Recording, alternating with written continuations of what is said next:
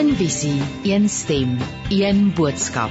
Radiokansel 657 AM en 729 Kaapse Kansel maak impak op lewens van Gauteng tot in die Kaap. Goeiemôre en baie welkom by Met Hart en Siel. Ek is Christine Ferreira en ons gaan vanoggend seker lekker saam kuier tot 11:00 hier op Radio Kansel en Kaapse Kansel. Nou vandag gesels ek met skrywer Marieta Martens oor 'n splinternuwe roman uit haar pen. Ek gesels met Tanya. Ehm um, dit is eintlik 'n skuilnaam.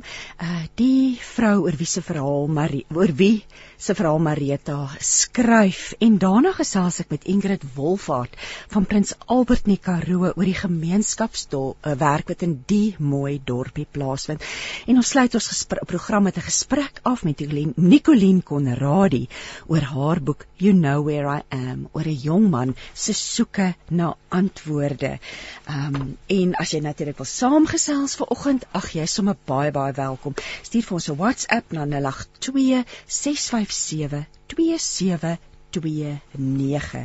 Nou terwyl of nog voor ons vir Marita op die lyn kry, wil ek graag vir ons lees uit Matteus 22.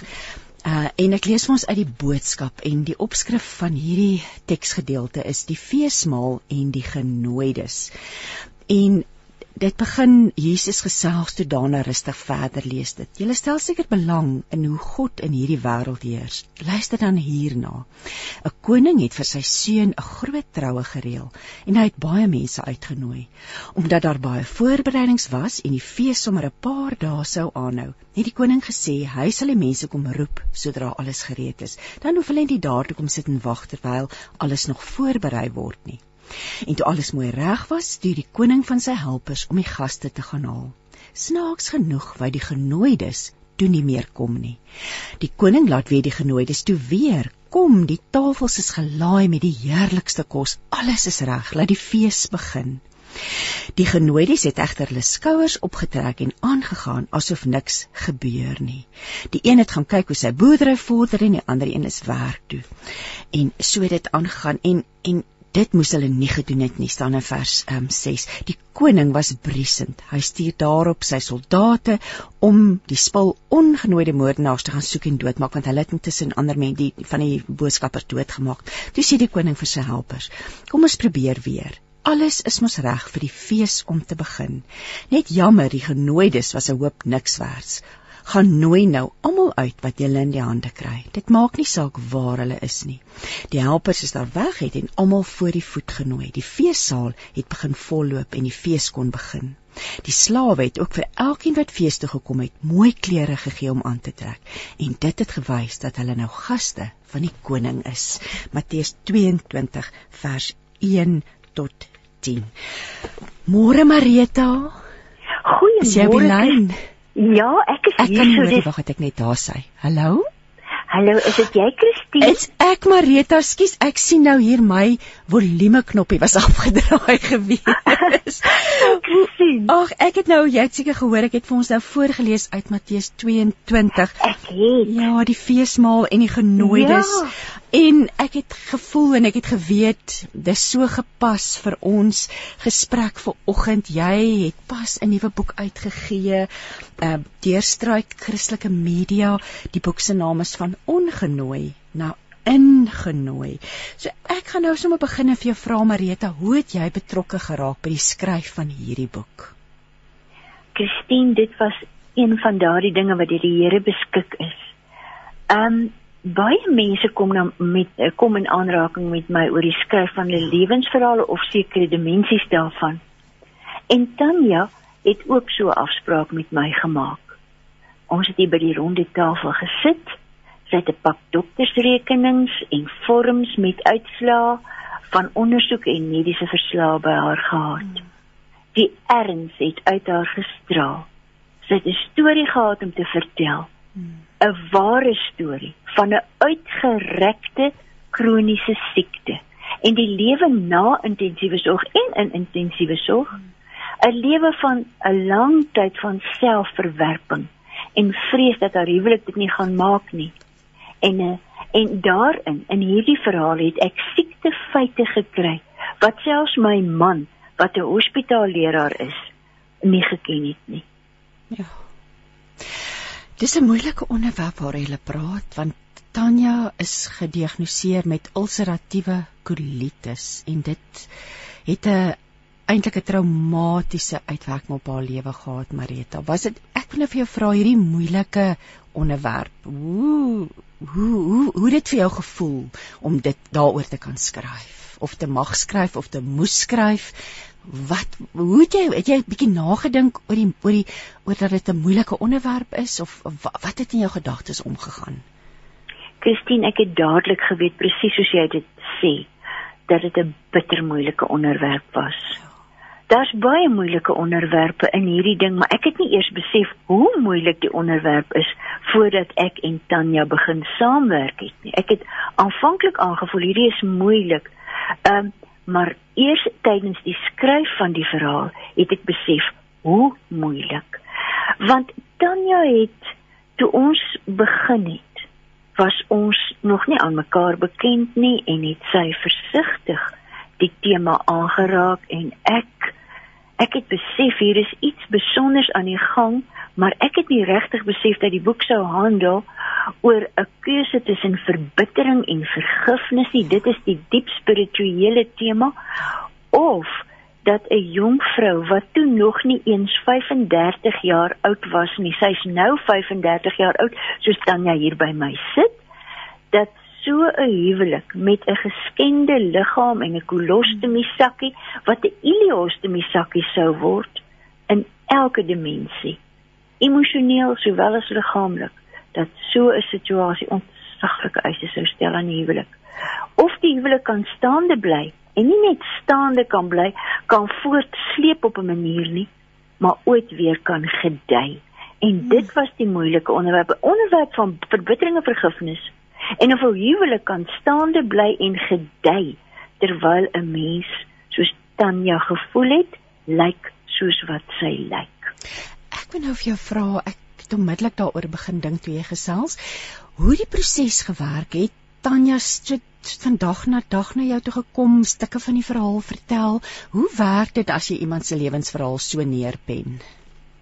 Ja, dit is in hierdie geval is daar absoluut geen twyfel aan nie, dit is ononderhandelbaar dat dat Tanya haar eie stem moet hê en daar of moes hê en steeds moet hê.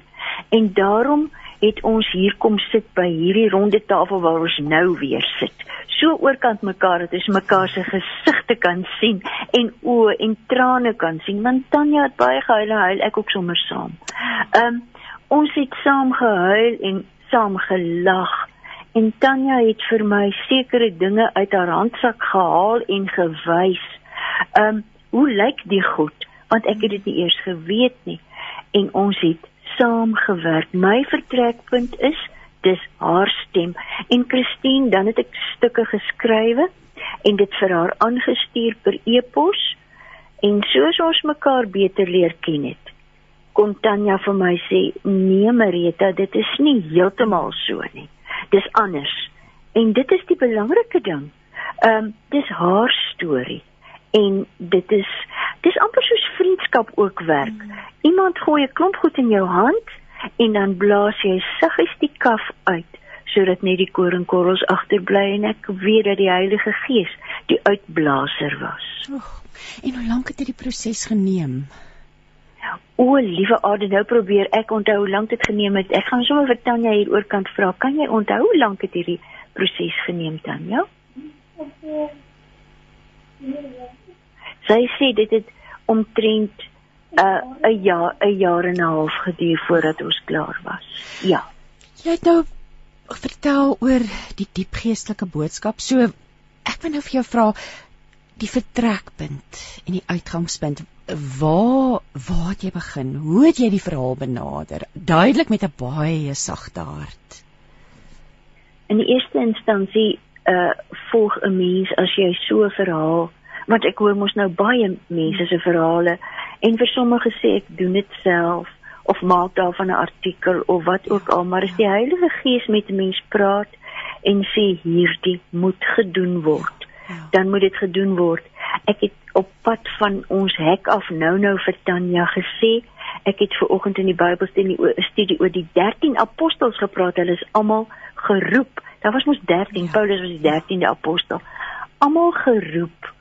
En as die Here 'n mens roep vir iets geweldigs is dit 'n geweldige ding. En die duidelikheid moet in al twee van ons wees dat dit die motief is dat die Here wil hê dat hierdie verhaal uh te boek gestel moet word. En daardie sekerheid was in Tanya. Sy het na my toe gekom. Sy sal vertel later hoe sy op my naam gekom het. En dit was in my oor haar en dit het van die Heilige Gees gekom. En so soos jy gehoor het ons het gaan sit en ons het heeltyd saam gewerk. Weet jy Marita ek het gister in die nag wakker geword en gedink oor vanoggend en dit was vir my asof die Here ek het gedink aan so baie mense wat so swaar kry op die oomblik. So swaar kry mense naby ons, mense wat ons ken, vriende, vriendinne, vreemdelinge. En dis asof die Here vir my gesê het heelheid in gebrokenheid. En ek voel baie nogal dat dit van toepassing is op Tanya se verhaal, nê. Nee. O ja, o ja. As jy vir Tanya hier oorkant my sien sit, Christine, dan is daar nog steeds gebrokenheid. Ja. Tanya is nie verlos van haar ileostomie sakkie nie. Sy is nie verlos van die van die dinge wat kan verkeerd gaan in die ileum nie. En daar het kort gelede weer iets verkeerd gegaan. Sy's nie verlos van van die doring in die vlees soos Paulus ja. ook nie verlos was van sy doring in die vlees nie. Maar sy krag word in swakheid volbring en ek kan daarvan getuig en ek wens almal kan vir Tanya sien want dit is natuurlik 'n skuilnaam. Ek wil daarom dit ja, daarom net ja. baie baie duidelik uh, uitspel dat geen dokter in hierdie boek se naam word uh, op die naam genoem alles is skuilnaam. Haar hmm. man se naam is 'n skuilnaam. Is 'n fiktiewe naam. Haar seentjie se naam is 'n fiktiewe naam. En want want uh, ons is nie besig om 'n boek van waarin daar onder andere vergelding of wraak ter sprake is, die wêreld in te stuur nie. Ons hierdie boek wat geskrywe is, is 'n storie van 'n klein gesinnetjie wat in die vallei van donker dieptes was hmm. en is 'n storie oor die getrouheid en die krag van God. Want weet jy en, dit dit is eintlik al ja. oor dit nê Marieta. As 'n mens in moeilike omstandighede is, is die getrouheid en die krag van God. Ja. Absoluut. Ehm um, ek wil ja, ekskuus, ek het jou in die rede geval want nee, dit is vir so 'n dringende boodskap op my hart vandag dat ons vir mense moet sê jy kan beweeg van ongenooi na ingenooi. Ons gaan nou nou oor die titel praat, maar dat daar hoop is selfs in die donkerste omstandighede en God se teenwoordigheid is altyd daar. Al voel dit nie so nie en ek glo dit dit dikwels ons nou nou met Tanya ook daaroor gesels. Ek het in die rede geval was daar nog ietsie wat jy wou bygevoeg het daar? Nee. Nee nee nee, ek is net baie bly dat ek gou daar ingezoom het en gesê dit is dit is alles is Skam. alles die Skam. name is fiktief en Tanya wat wie se naam ek hier noem se naam is nie Tanya nie. Ja. Kom ons praat oor die titel van die boek. Ehm um, vertel vir ons 'n bietjie meer. Ah. Tanya het vir my gesê sy het 'n een enkele woord titel ongenooi en ek het onmiddellik gedink ek hou daarvan. Ek hou so baie van hierdie titel en ons het dit vir die uitgewer aangestuur en toe laat die uitgewer die tragiese nuus hoor dat daar reeds iewers 'n boek bestaan met die titel Uninvited. Ehm um, en toe het ons weke lank gesukkel en geploeter dat ons naderhand voel ons kan nie meer dink aan titels nie. En toe gee Tanya die slot gedeelte van ongenooi. Nou, ingenooi en sy het dit in die slothoofstuk ingesien. Een letter wat verander, on na in en alles het volledig verander. Dit was Ach, die volledige wending. Ek gaan nou net vir ons hier. Hier's iemand wat hulle selfoon in die ateljee klink het my verloor het en ek hoor klokkies laai. Ek weet nie of dit O ja. Engele of bose geeste is nie, maar klink vir my dis iemand met 'n selfoon. So as jy nie omgee nie, kan ek maar net die vorige gas net inlaat. Ehm um, ja. Wynand, wil jy net kom loer want ek hoor die gelaai. So ek dink die persoon soek dringend na haarself. so daar sy terwyl hulle inkom, kom ons gaan aan. Ek dink dit gaan ons opname af ons ons program nou onderbreek nie. Maar wat 'n pragtige titel en natuurlik hou dit so mooi verband met hierdie stuk skrif wat ek nou gelees het dat God nooi ons almal in. Jesus nooi ons almal in. Ja. Daar ja. sy die handsak is gevind daar sy. ek kan net sê die geklokkie laiery, ek en 'n pol kyk vir mekaar deur die venster. Kom ons praat oor die lesers gehoor want op die agterblad dui jy aan of die uitgewer of jy of iemand het hier vir ons aangedui vir wie hierdie boek geskryf is maar Marita jy het sekerlik 'n baie spesifieke lesers gehoor in gedagte gehad. Christine toe toe sy Tanya hier voor my sit en ons besig was met die boek het dit vir my absoluut duidelik geword dat dit 'n boek vir vroue is. Wel ja. dit was die eerste gedagte en vir almal met liggame wat op een of ander wyse geskenk is. Dit hoef nie net noodwendig deur operasie te wees nie. Dit kan ook geskenk wees in 'n motorongeluk of wat ook al. Ja, ja. Ehm uh, maar toe begin ek besef dat familie van mense wat wat uit intensiewe sorg kom en hmm. in intensiewe sorg is en hospitaalleerders en maatskaplike werkers en arbeids- en fisioterapeute dit eintlik almal moet lees. Ehm um, en dat mense wat iemand wat uit intensiewe sorg kom tuis moet verwelkom spesifiek een spesifieke hoofstuk moet lees mm. moenie die hele huis verander nie ja En jy ja, ja, jy sê ook mense wat hulle self in 'n nuwe normaal bevind in 'n liggaam wat waarskynlik nooit weer soos vroeër sal lyk of wees nie. Ek dink nou aan vroue wat mastektomie ondergaan. Daar's soveel soveel gevalle, soveel dinge wat gebeur, nê? En dan het jy dan en natuurlik die wêreldse idee van die perfekte liggaam. Van hoe 'n vrou lyk. So daar, jy weet, dis hoekom ek wil hê ons 'n bietjie praat oor die verhouding tussen vroue en hulle liggame. Wat het jy hieroor wys geword tydens die skryf van hierdie boek, Marita? Ek het al hoe meer besef, ag ek het dit sommer aan myself ook besef dat ons vroue maar baie broos is. Ja. Uh en en baie weerloos voor hierdie verskriklike uh gevestigde beskouing van hoe 'n vrou se liggaam moet lyk. En as jy dan eers in enige opsig skending ondergaan, ja. is die stryd dubbel so groot. Dan kan die liggaamlike letterlik letterlik ehm uh, begin oorheers oor die heel groter mens wees jou heel groter wese wat jy uit God is. Uh en in God is. Met ander woorde, um selfs 'n gebreekte tand laat my sleg voel as ek glimlag met 'n gebreekte tand. Maar hierdie boek toon aan dat God ons persepsies ook aangaande ons liggame kan verander en ook die persepsie van die naby aan ons en baie keer ons lewensmaats, ons man aanvaarding, nê? Ja. Die stap daai daai groot punt wat 'n mens moet bereik, aanvaarding. Oeg, dis 'n ja. moeilike pad, dis 'n moeilike Moeilik. pad. So enige iemand wat selfbeeldprobleme het, gaan baat vind by hierdie boek klink dit vir my. Ja, eendag toe ek 'n uh, toe toe ek 'n uh, ou pyjama broek van myself wat nou nie meer te goed lyk nie op die wasgoeddraad ophang, het ek met Tanya geskakel en vra sy, "Weet jy wat? Ek dink ek het die simbool van hoe 'n mens lyk. Ja. Of hoe 'n mens voel dat jy lyk ja. wanneer jy vermink is. Hoe dink jy van die pyjama broek metafoor?" Ja. Het sy daarvan gehou. So ons hmm. kry die ou toying pyjama broek ook hier in die boek. Voordat ons gaan uitkom by die boodskap van hoop en die innerlike genesing en hierdie onfeilbare trou van God, wil ek vir jou vra op watter manier beïnvloed trauma ons verhouding met God? Dit is 'n ontsaglike belangrike vraag. Ek en Tanya het voor die tyd 'n bietjie gesels voor hierdie onderhoud. En de, ons is daaroor absoluut seker, voor trauma moet 'n mens God ken.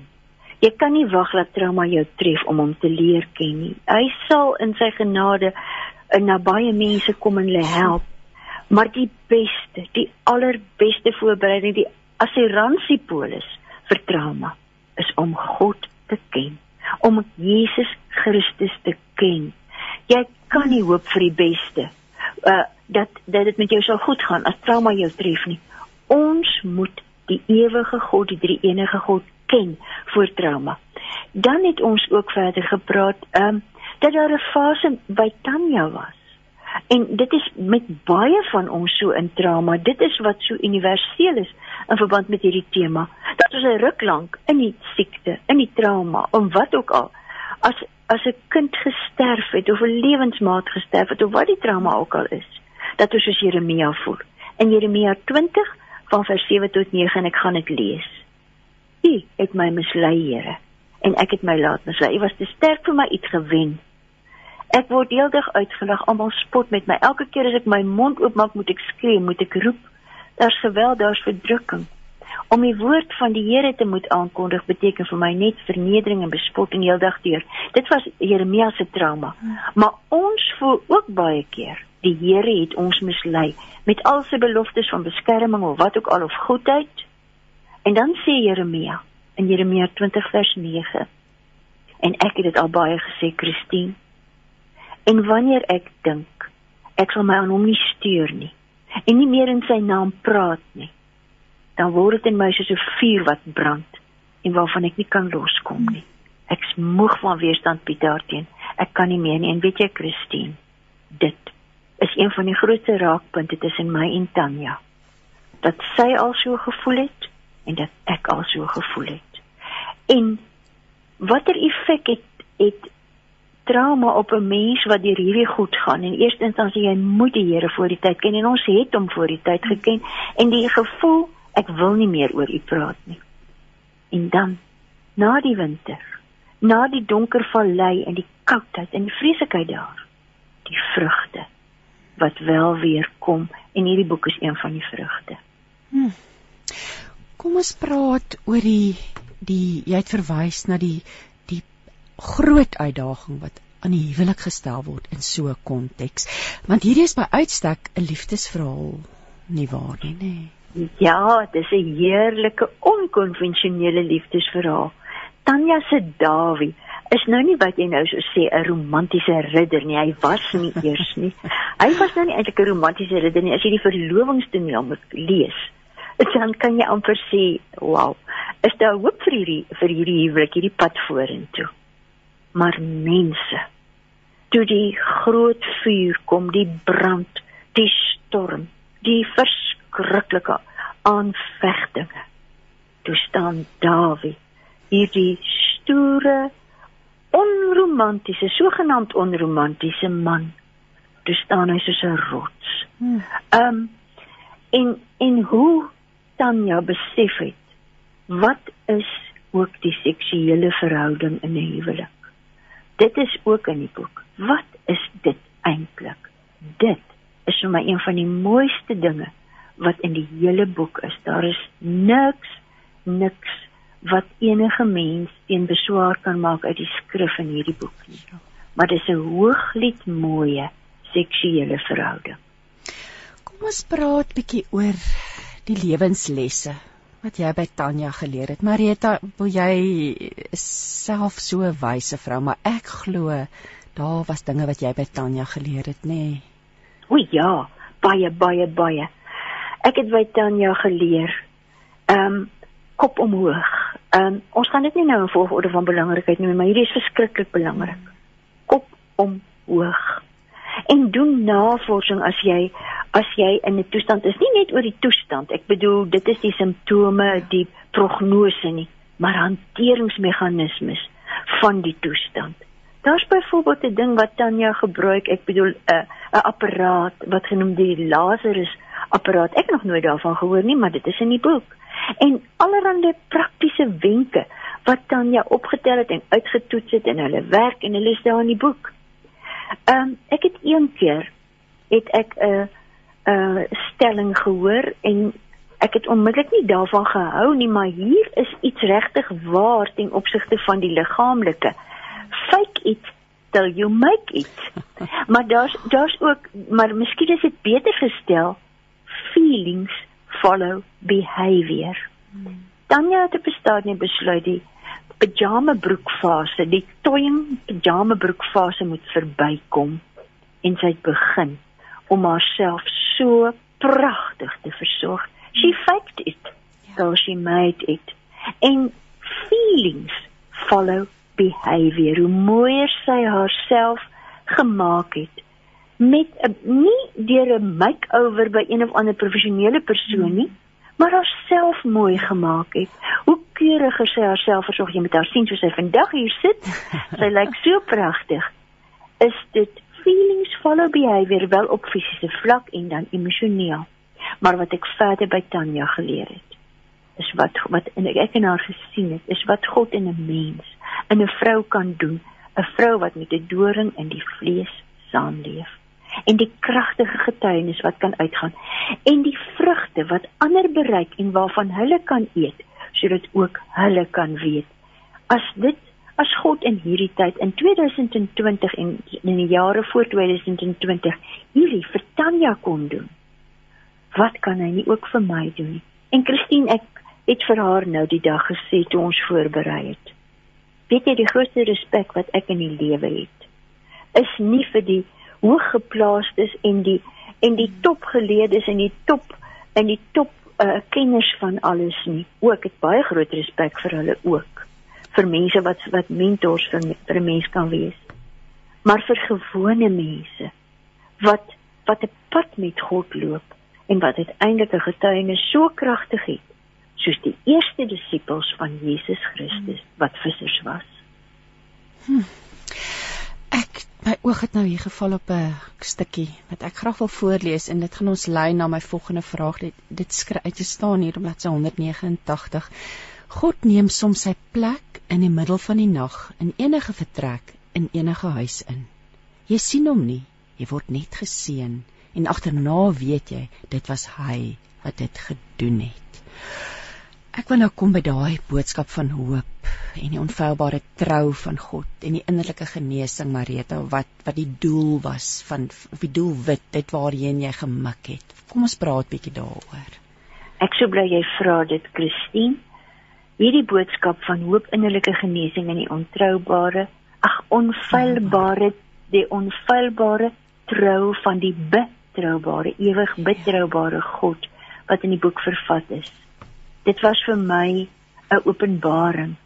Voorbidders wat by 'n sieke is wat by by sy of haar bewussyn is wil eintlik van die sieke 'n soort van 'n ondubbelsinnige en onbetwyfelbare teken hê of woorde hê dat hulle hoop het dat die sieke hoop het en hulle het nie altyd nie.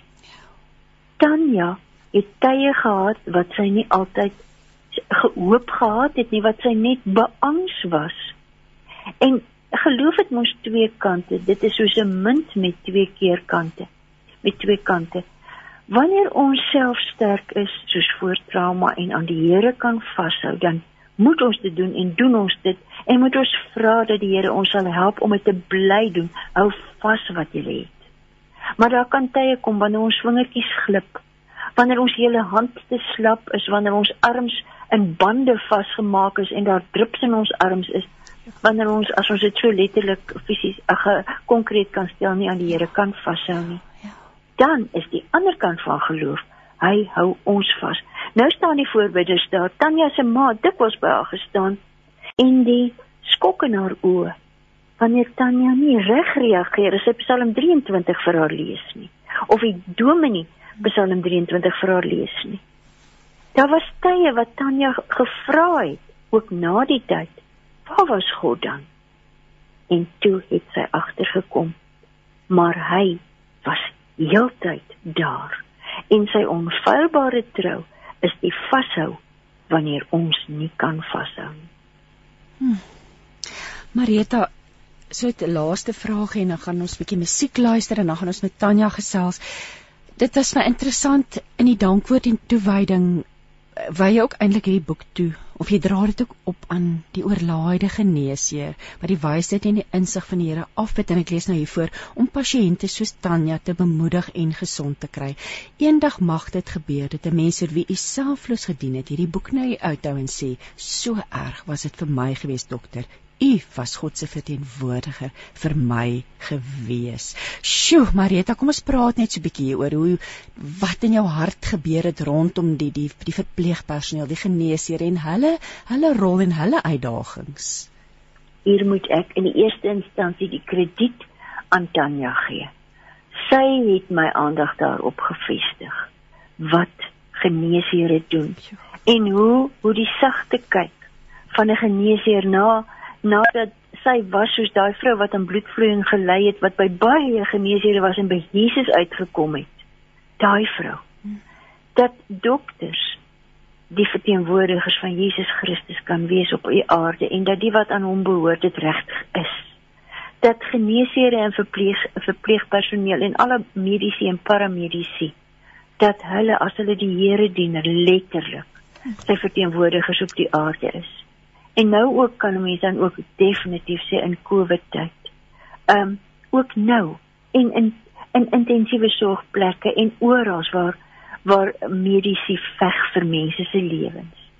Wil ek dan ook saam met Tanya sê en sy het my aandag daarop gefestig. Here, dankie vir elkeen wat daardie barmhartigheid en genade naas mediese kennis op hierdie pasiënte uitgiet. Marieta, jy het my sommer in trane nou. Oeg, weet jy, soveel seën rus gaan op hierdie boek rus nog vorentoe en ek wil vir jou so dankie sê dat jy dit geskryf het en dat jy so jou talent en jou roeping met in dit wat God jou voorroep met ons deel. Ag Marita, ek het net alle alle die grootste agting vir jou en ek wil net vir jou dankie sê vir jou tyd vanoggend. Ja. Ek het nog eers met Tanya gepraat en ek voel al hartseer. Ehm, um, maar mag die Here julle seën, mag daar nog so baie werk uit jou pen uitvloei. Mag jy nog geseënd wees om lank, lank al hierdie talente met ons almal te deel en ja, sommer net alles wat mooi is vir jou. Dankie Christine, ook so opgewonde dat die luisteraars nou regtig kan weet Tanya leef dat haar stem kan hoor ja. en dat hulle al ken hulle nie haar regte naam nie dat hulle haar getuienis kan hoor. Ek is so dankbaar en dankie vir die heerlike gesprek. Ek wil net weer vir ons luisteraars sê die boek se naam is van ongenooi na ingenooi. Die skrywer is Marita Martens met wie ek nou net gesels het. Daaglikse brood van die lewe en steen en raad. Dit alles en nog baie meer op 657 AM. En jy luister na met hart en siel. Ek is Christine Ferreira en ek gaan nou gesels met Tanya, ehm um, soos ons ek genoem het die jong vrou oor wie Marita geskryf het. Môre Tanya. Môre Christine, hoe gaan dit met jou? Ag, dit gaan baie goed met my. Dit gaan uitstekend en dit is my so voorreg en so lekker om met jou te kan gesels ver oggend. Tanya, ek wil sommer dadelik vir jou vra, waarom wou jy jou verhaal vertel? Ag, weet jy, omdat ek my verhaal wou vertel, is om net vir die mense die boodskap oor te dra dat ehm um, jou hoop nog steeds daar buite is. Dat jy nie hoop moet verloor nie. En dat dit soms om dit jy goed verloor, dat hy nog steeds daar is. Al sien jy hom nie altyd nie. Nou die tyd sien jy om jy besef na die tyd. Hy is daar deur jou pa wat jou voete gevryf het. Deur jou ma wat jou voorkop met 'n nappie afgevee het. Deur die suster wat vir jou teddy gedoen het. Die dokter wat in jou oë gekyk het en vir jou gesê het ek sien jy kan nie nie. Al daai goed is net om te besef die Here was die hele tyd daar en jy moet dit miskyk nie. Daar is altyd hoop. Maak nie saak hoe seer en hoe moeilik dit is nie. Dis kom ek my verhaal wou vertel. Nou moet ek ook my verhaal wou vertel. Dit is 'n pagaat dat die mense moet besef dat al is jy gebroken, dat jy nog steeds jouself kan word. Jy kan jouself terugkry en dan daar is 'n weg daar is 'n nuwe begin. Hm, Tanya, ek dink so baie mense se harte word diep geraak en het hierdie woorde van jou so bitter nodig vir oggend. Hier's nou 'n luisteraar wat net graag wil weer sê asseblief sê weer vir ons die boek se naam. Die boek se naam is van ongenooi na ingenooi. Die skrywer is Marita Martens, die uitgewer is Struik Christian Media. Tanya uh, Marieta het nou vertel hoe julle bymekaar gekom het en die hele proses um uh, gevolg het. Ek wil sommer nou vir jou vra, hoekom Marieta? Wat het jou laat besluit dat sy jou verhaal moet vertel? Ag, weet ek kom ek gaan nou net so kortliks vir jou vertel. Ek gaan jou nou nie lank besig hou nie. Weet jy ons het groot geword in 'n huis waar Marieta se boeke gelees is en my oupa het altyd boeke gelees van Marita. En hy het altyd gesê Marita is 'n uitstekende skrywer en hy het ook altyd laat ons haar vlieg 'n pot vol winter kyk want sy het die boek geskryf. En so toe ek nou later uiteindelik gereed is om my verhaal vir die wêreld te vertel, het ek 'n uitgewer gekontak wat Marita se boeke al gepubliseer het en ek het al besonderhede gekry. Toe het ek Marita gekontak en sy het vir my gesê ons moet by mekaar kom. Ons het by mekaar gekom en ons het gesels en lekker koffie saam gedrink om hierdie ronde tafel van haar. En dit is hoe ek aan haar gekom het. Ek wil nou vir jou vra. Toe jy nou hierdie boek in jou hand vashou en die hele proses van byna 'n jaar verby is. Hoe het jy gevoel? Watter effek het hierdie boek op jou as persoon gehad? Nee, weet jy daar het verskriklike emosies deur my gegaan. Nee, weet jy dit was emosies van jy weet jy daar het soveel emosies deur my gegaan. Ek kan eintlik nie eintlik almal vir jou noem nie want ek gaan jou die hele hele hele dag besig hou. Maar dankbaarheid, ongelooflikheid van dankbaarheid, trots. En jy weet hierdie hierdie van ek het dit gemaak. Ek het aan die ander kant uitgekom.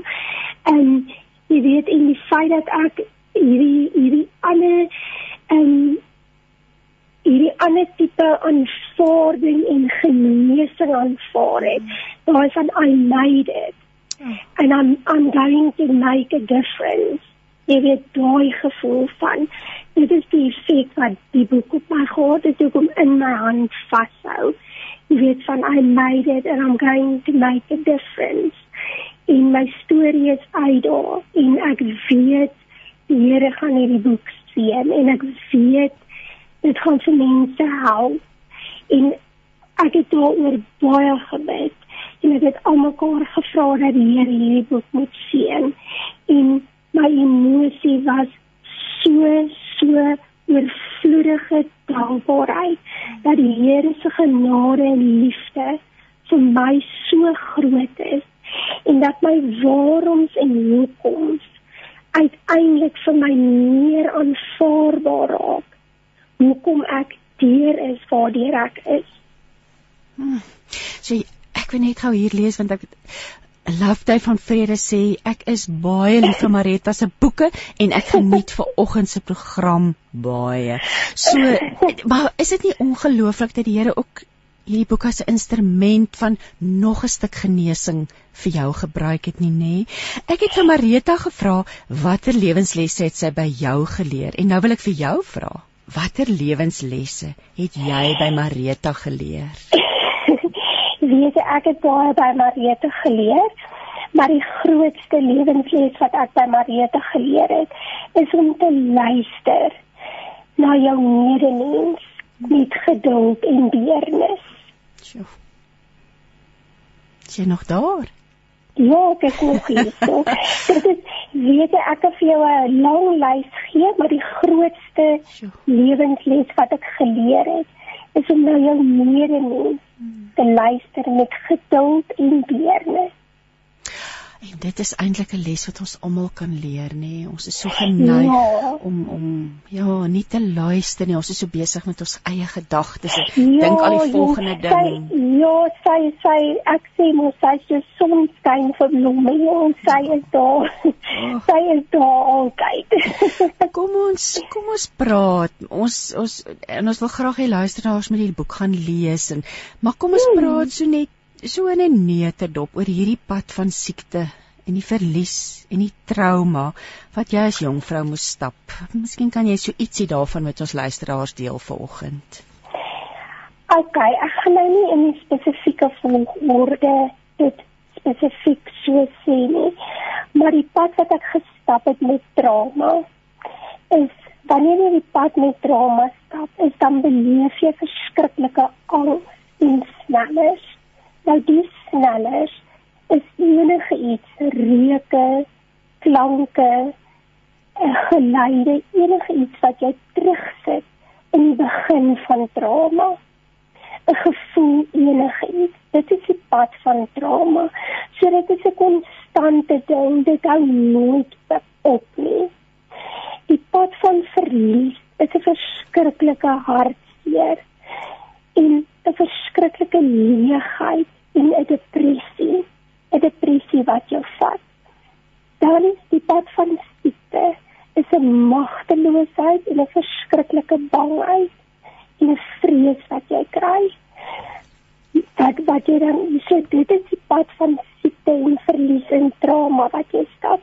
En baie keer met die beleef jy in trauma, hartseer en depressie ook. En in siekte beleef jy baie keer hartseer en depressie ook. So in hierdie siekte verlies en trauma beleef jy bangheid, magteloos, hartseer, depressie, angs en die snellers gereeld. Dit is op gereelde basis en soms nie gereeld nie. So iemand wat luister en en ook self deur 'n swaar tyd gaan en siekte beleef. Ek dit is ek dit's goed dat 'n mens dit goed, goed vir mekaar sê, nê, en dat mense weet ek is nie alleen nie. Daar's ander mense wat ook so so voel. Die goed wat ek beleef is eintlik normale reaksies. Ek wil nou vir jou vra want in dis 'n swaar pad wat jy gestap het en ek wil nou vir jou vra in hierdie tyd, hoe het die verhouding met God verander? Weet jy my ek kan nog nog voor my siekte en voor my trauma en alles wat ek 'n Christen. So so my pad was eh, na die tyd het ek en jy weet dit was my moeilik. Ek het deur 'n dip gegaan met my godsdienst. Ek het baie vrae gevra waarom en hoe kom ek hier? En ek was op 'n stadium kwaad geweest. Want hoe kon hy laat so iets gebeur met sy kind? Ek is dan 'n kind van hom. Maar so het ek deur my pad gegaan en ek het vasgehou aan sy woord en ek het aangehou bid en ek het aangehou soek na hom. En nou my verhouding met God is meer intiem. Ek sien en hoor en dink alles. Dit is asof ek met God verhoor. Dit is asof ek met God se se se gedagtes dink as ek dit so kan stel. Dis asof ek met God se ore hoor. En ek bid ook anderste. 'n Voorbeeld is ek sal bid in die oggend en vra dat die God asseblief my gedagtes en my woorde en my hart in gehoorsaamheid saam met hom sal bind. So my verhouding met God verbeter dit het meer intiem geraak met hom. O, oh, is nou weer 'n luisteraar wat sê baie baie dankie vir vanoggend se program en sy vra ek net weer vir die naam. Ek gaan weer sê van ongenooi na ingenooi deur Marita Martens. Ek gesels nou met Tanya. Dis 'n skuilnaam vir die jong vrou wie se verhaal vertel word in hierdie boek. Tanya, ek kan nou vir jou vra oor die titel van die boek. Wat beteken dit vir jou persoonlik? Jy het uitgekom by hierdie titel, maar kom ons praat oor wat die titel vir jou beteken. Okay, soos jy weet, was dit eers ongenooi. Nou ongenooi het vir my beteken ek het vir niks gevra nie. Alles was ongevraagd. Hmm. Die siekte, die trauma, die hospitaal, alles was ongevraagd.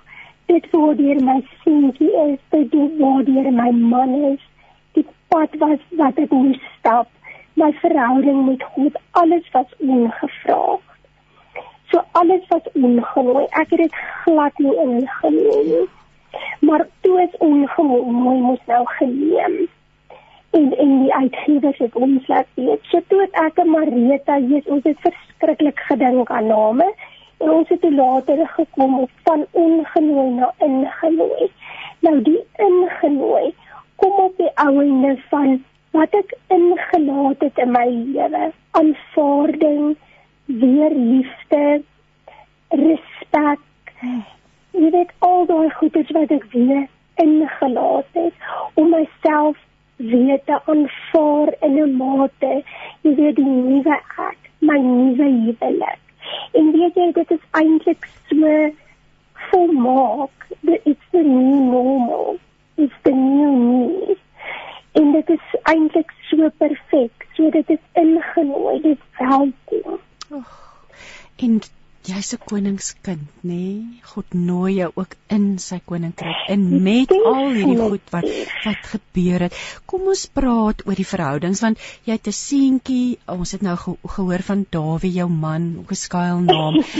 Kom ons praat ja. want daar moes verskriklike emosies ook in jou omgegaan het. Jy moet in die eerste plek hierdie hele siekte en die proses hanteer en dan jy ook ja. geliefdes, nê, nee, jou ma en jou pa.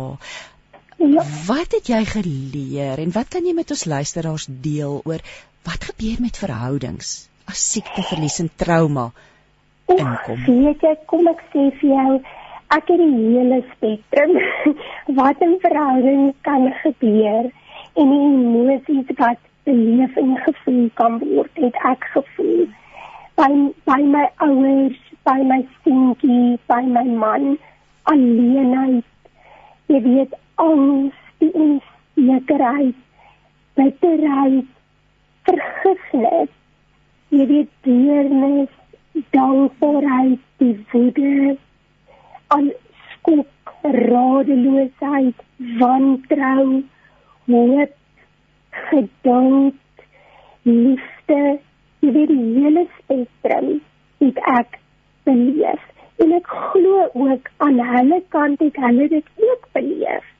Ek glo ook hulle was ook alleen met jy weet angstig hulle was ook onseker want ek glo dit het van twee kante af gekom want so ek gereageer het het dit hulle weer beïnvloed jy weet ek was dalk alleen maar hulle het ook onseker gevoel ek was dalk angstig en hulle het ook woedend gevoel of bitterheid gevoel so een emosie dan het ek iets anders gevoel. So in my verhouding met my ouers, met my man, met my seentjie, was die hele spektrum van emosies. En dit was heen en weer, van alleenheid tot wantrou. Dit was die hele spektrum gewees. Kom ons praat oor Hetty Ehm um, daar word ook in die boek na haar verwys. Vertel vir ons 'n bietjie ook natuurlik 'n skuilnaam. Kom ons vertel vir ons 'n bietjie van Hetty en die rol wat sy gespeel het in hierdie tyd in jou lewe. Weet jy kom ek sê vir jou Hetty is simbolies. Weet jy Hetty is is 'n kombinasie van belangrike mense wat in my lewe 'n rol gespeel het en vriendinne. Want dit was moeilik om almal in die boek te sit wat vir my belangrik was. Dis baie baie slim, baie slim om dit ja, so te doen. Dit was dit was Marita se idee daai. Ehm um, dit was glad nie my idee nie. Weer een soos ek sê, Marita is 'n uitstekende skrywer. Ek kon definitief nie hierdie boek alleen skryf nie. As ek hom moes alleen geskryf het, sou hy definitief gelyk het en geklink het soos wat hy geklink het nie. Ehm um, So dit is simbolies, maar wat ek van hierdie kan sê, dit is ware vriendskap, dit is ware liefde, dit is ware geduld, dit is ware seer en ware trauma wat het beleef het. Hmm, is eintlik die ja, soos jy sê die hele spektrum en ons het almal vriendinne wat deur al die goed ook gaan, nê, verskillende vriendinne, verskillende plekke. Kom ons praat, ag, soms so weer 'n keer want want dis my so sterk, dit kom so sterk deur die boodskap van hoop. So ek wil vir jou vra, jy het vir ons aan die begin net gesê, maar ek dink ons kan dit weer sê. Die wat is die boodskap wat jy wil hê die boek moet uitdra? Wat wil jy met hierdie boek bereik? Wie moet hierdie boek lees? Wat droom jy vir hierdie boek? Ek weet jy kom ek sê vir jou ek wil hê almal moet hierdie boek lees wat deur trauma is. Maak nie saak watter vorm van trauma dit is nie en enige iemand wat liggaamlik en emosioneel seer gekry het, maak nie saak op watter manier nie. Die boodskap wat die boek uitdra is siekte, trauma, genesing, verlies, vergifnis, liefde en geloof en dankbaarheid teenoor genesers.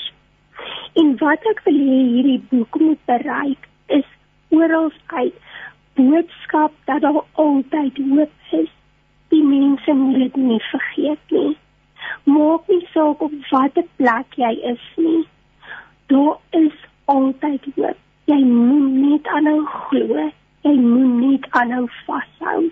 al is dit hoe moeilik daar is altyd hoop ek wil graag 'n stukkie ter afsluiting weer voorlees en jy skryf of Marita skryf uh, my trauma my emosionele pyn het 'n neersitplek gevind dit het na God gestrompel geklim gekruip gesleep Ek weet nie hoe trauma beweeg nie. Ek weet net dit het daardie nag toe ek gewag het, begin beweeg.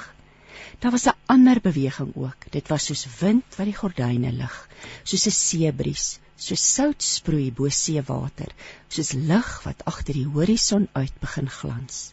Daar was 'n stem in die sout sproei in die lig en in die bries. Onthou, ek is by julle al die dae tot die volëinding van die wêreld.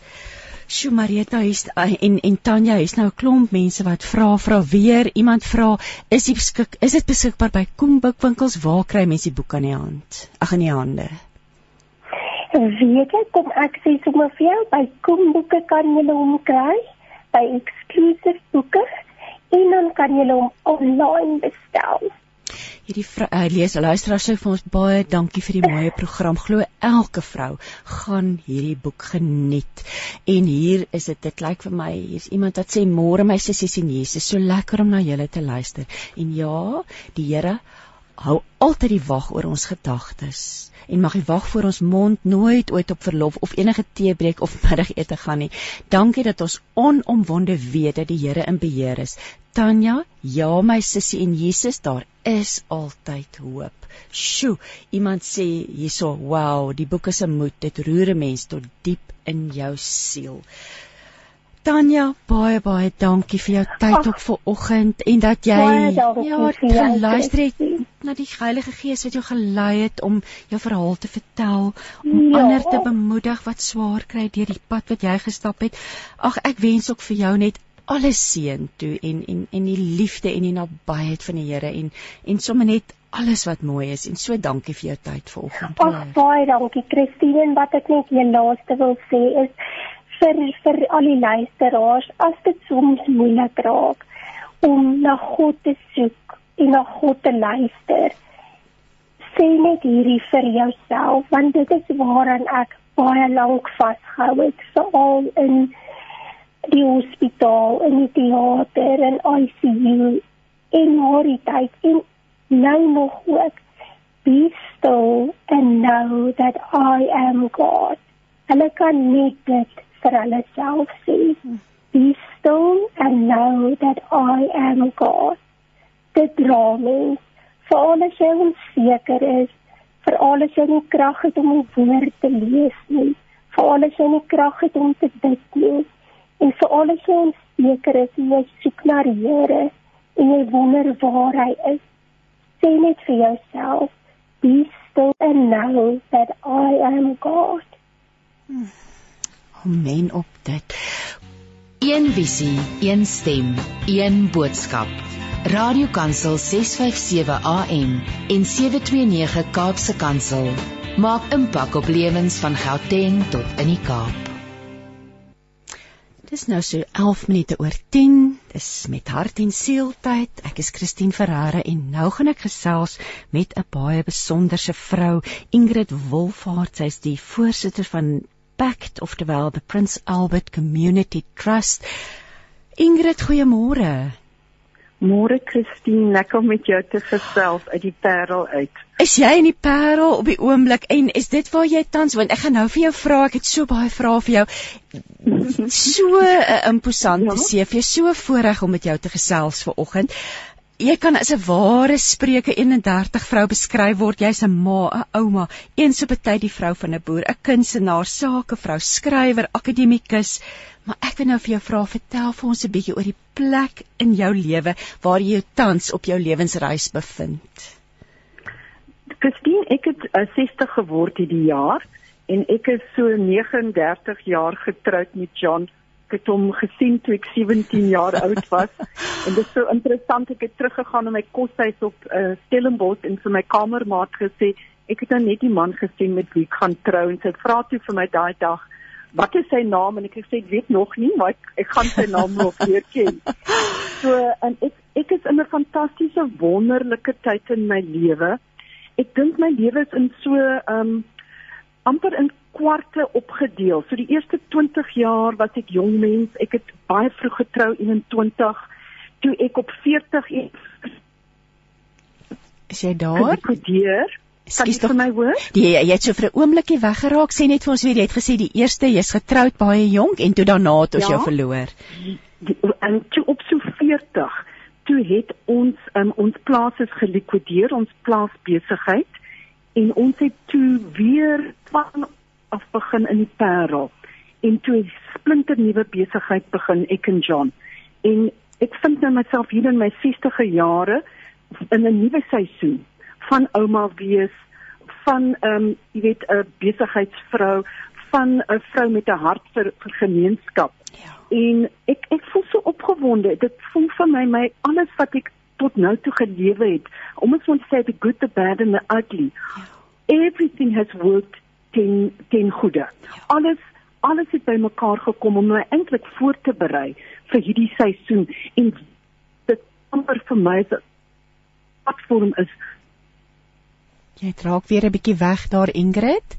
Ja, daar sê verskil te maak in in in in my eie lewe en my gemeenskapslewe. Ja, en en en ek is opgewonde. Ek is opgewonde oor die volgende 20 25 jaar. Is dit nie net heerlik nie? Ek dink as 'n mens gehoorsaam of jy gee ag en jy slaan ag op hierdie seisoene in 'n mens se lewe, bring dit ja. eintlik net volheid, nê? Dit bring 'n vol lewe, dit bring vervulling ek dink dit is dit is so 'n wonderlike manier om na die lewe te kyk want dit is die natuurlike verloop daarvan. Maar nou wil ek bietjie met jou praat oor al hierdie verskillende rolle wat ons as vroue mm. moet uitleef mm. en baie keer te gelykertyd en nie altyd is dit maklik nie, nê. Nee. Kom ons praat mm. bietjie, hoe sien jy al hierdie rolle van ons as vrou wat ons moet uitleef? Jy weet van die, van die rolle kom natuurlik, nee So baie keer dit is, dit hang af van jou persoonlikheid of jou aanleg of jou vaardighede jou vaardighede of jou gawes. Sekere rolle kom uh, natuurlik jy jy voel goed in daai rolle en dan is daar ook rolle wat op jou gesit is. En verskoon my Afrikaans Ek is eintlik 'n uh, 'n Engelssprekende wat jy praat pragtig. Jy praat pragtige Afrikaans. Ag, Christine, dankie. Ehm um, so en ek ek wil amper vir jou sê ons moet versigtig wees as vrouens om onsself ook in 'n boks te sit. Ja. As jy vir my gesê het, Christine, as jy vir my gesê 40 jaar gelede, Ingrid, you're going to be a businesswoman. You're going to be a director of a company. Ek sou vir gesê, wat weet ek van besigheid af? Ek weet niks daarvan. Ek het geen belangstelling daarin nie. Maar die lewe het dit oor my pad gebring. En 'n heeltemal 'n nuwe nuwe wêreld vir my oopgemaak en ek het begin sien maar eintlik ek het 'n goeie gevoel daarvoor. Ek kan myself vertrou in hierdie rol. En daai rol weer speel 'n baie belangrike rol in die werk wat ek in Prins Albert doen onder jong mense. So dit is so interessant. So dit is iets wat ek nie voorgesoek het nie, dit oor my pad gekom en I I, I just stepped into it. Net vir amper vir jong vrouens aanmoedig. Um step out step out into out of your comfort zone. Vat die dinge aan wat nie veel maklik is nie, die rolle wat jy voel nie uh, uh, maklik op jou skouers rus nie. En jy sal jy sal sien, jy sal dele van jou menswees ontdek wat jy nie eers geweet het dit bestaan nie. En dit gee ons vir onsself vertroue en bou ons karakter. En ek wil amper sê as ek vir die jong mense in die werk wat ek doen, ek sê vir hulle, weet julle, ek was 'n wimp toe ek 20 jaar oud was. En hulle sê nee, Ingrid, dit kan nie wees nie. Jy weet dit jy en ek sê nee, ek is 'n ek I'm a transformed human being.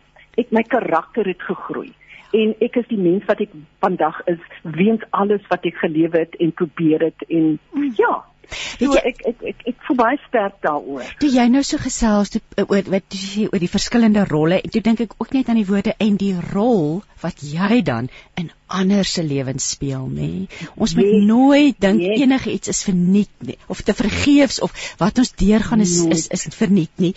Kom ons praat 'n bietjie oor pact. Ag, daar ek het so baie dinge. Dit voel vir my ek wil sommer alles gelyk vra, maar kom ons ja. gesels 'n ja. bietjie oor Pact, die Prince Albert Community Trust, die werk wat julle hmm. doen. Ek wil hoor hoe ja. jy betrokke geraak.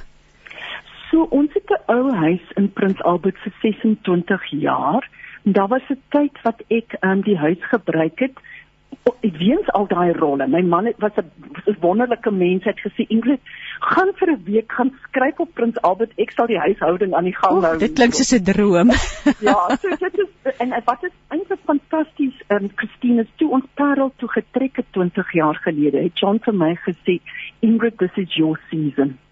Jy weet jy het nog altyd 'n rol vir almal gespeel. Ek wil dit vir jou gun en ek is Prins Albertoon daar het ek begin sien maar hier's kinders op die straat of hier's dinge wat nie reg vir my lyk nie. En so hier 2011 is amper asof ja, ek het amper 'n aha oomblik gehad. Ek het met die straat afgestap en gesien die weerbare kinders. Hmm. En ek het vir die um, nuwe burgemeester 'n brief geskryf en gesê, meneer burgemeester, children are dying for lack of vision. Wat gaan u doen daaromtrent? En hy het onmiddellik vir my teruggeskryf en gesê mevrou Wolfhard, wat gaan u doen daaromtrent? So hy was 'n baie slim man en ek het onmiddellik geweet dit is op my pad gesit. En ehm um, so dit is eintlik ek het geweet dit is dit is dit is die regte tyd vir my om betrokke te raak by hierdie gemeenskap. En dit is waar dit begin het. Ek het die eerste jaar of twee net met mense gesels en gesê vertel my, wat gaan hier aan? Hoe voel julle? Waar waarmee met ons, jy weet, waar begin ons? Wat wat vang ons aan? En dit is so wonderlik om te sien hoe die klein klein organisasie werklik gegroei tot waar dit is vandag waar ons deur hierdie tyd van COVID waar ons ek ek dink dit is sekerlik 1000 meer kinders per dag kos gegee deur ons jeugsentrum in die, in in rondom skrik. En wat is so fantasties is dat die werk is 'n um, bemagtigingswerk tot die mate dat jong mense word bemagtig om hulle eie gemeenskap te verander. So daar was iets soos 45 jong mense tussen die ouderdomme van 16 en 28 wat 7 en 40000 maaltye oor 'n tydperk van 6 maande gegee het vrywilligers Mm. En dit is dit is eintlik die hart van die werk. Want ek is om om om om daai dit was vir my amper openbaring om te sien goed nou begin ons die vrugte van ons werk te sien na 8 jaar. Dit is nou so mooi want ek jy het vir my 'n dik verslag gestuur wat ek wat ek nou gekyk het en deurgegaan het en mm. dis ongelooflik die sukses wat jy behaal en reg reg voorop ek neem aan dis julle visie to grow a healthy caring and safe community together nee die klem dat saam met jy nou sien die mense uit die gemeenskap wat dan wat hier hieraan ja, werk. Ja. En en weet jy wat so fantasties is Christine daai 20 jaar op die plaas ek as ek mag ek weet nie hoe ons tyd te sien. Nee ons het maar nog so ons het nog so 10 minute. nee ons nog so 10 minute om te gesels. want ek wil ek het 'n boekie gelees hier reg toe ek so 22 was en ek voel te baie jammer vir myself daar op die plaas tussen die ek sê die renoster bosse en die klippe. Die boerdery was nou nie heeltemal soos wat ek gedink het dit is nie so romanties is nie. Ja. En die boekie is deur iemand geskryf se naam is Martinus Versveld. Dit is miskien 'n naam wat nie almal weet nie. Ja. Ken julle vir Martinus ja. en hy het die boekie geskryf die neukery met die appelboom.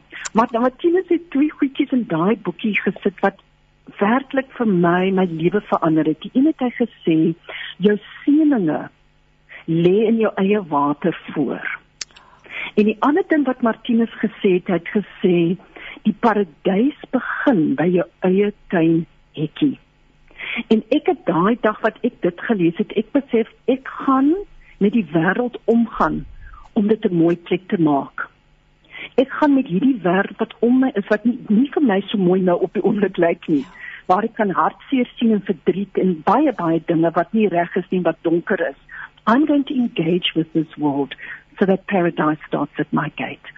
In daai 20 jaar op die plaas het vir my bewys dat 'n gemeenskap kan fundamenteel verander van 'n gebroke wounded community to a wholly restored community. I believe it, Christine. I've lived it and that is the vision that I bring into the work in Prince Albert. Ag, weet jy, ek is sommer hoendervleis want dit strek verder as Prince Albert. Dis Leogamka, klaarstroom. Reg. So die so reg.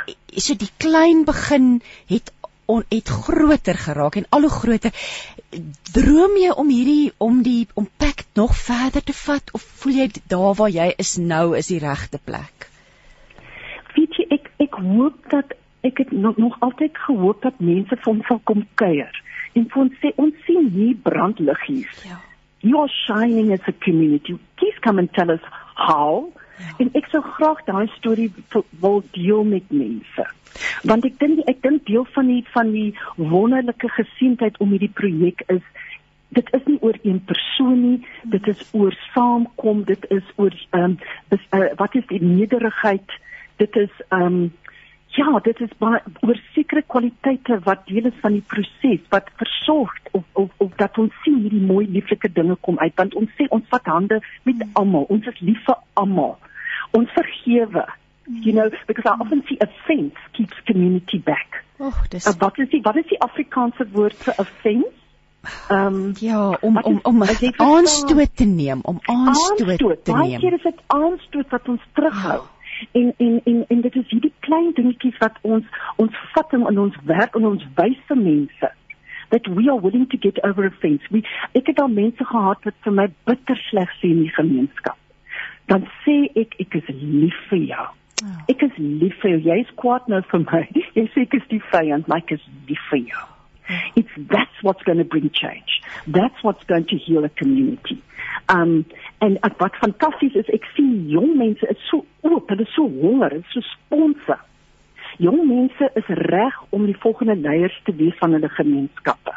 En ons moet net hulle jy weet um, uh, die die die selfvertroue uh, gee en saam met hulle staan sodat hulle daai vaardighede kan kan uh, begin uh, vertrou in hulle self uh, dat hulle kan regtig 'n verskil maak.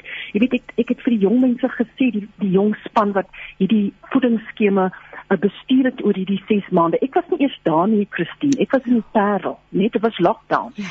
Jy sê vir het jy nou die wonderlike dinge in jouself ontdek. Dit was net 'n gedagte om kinders kos te gee. En hier staan ons vandag. Julle het dit laat gebeur. Nie Ingrid nie. Julle julle het saamgekom in eenheid en julle het hierdie pragtige ding laat gebeur binne julle eie gemeenskap. So dit is wat vir my opgewonde maak.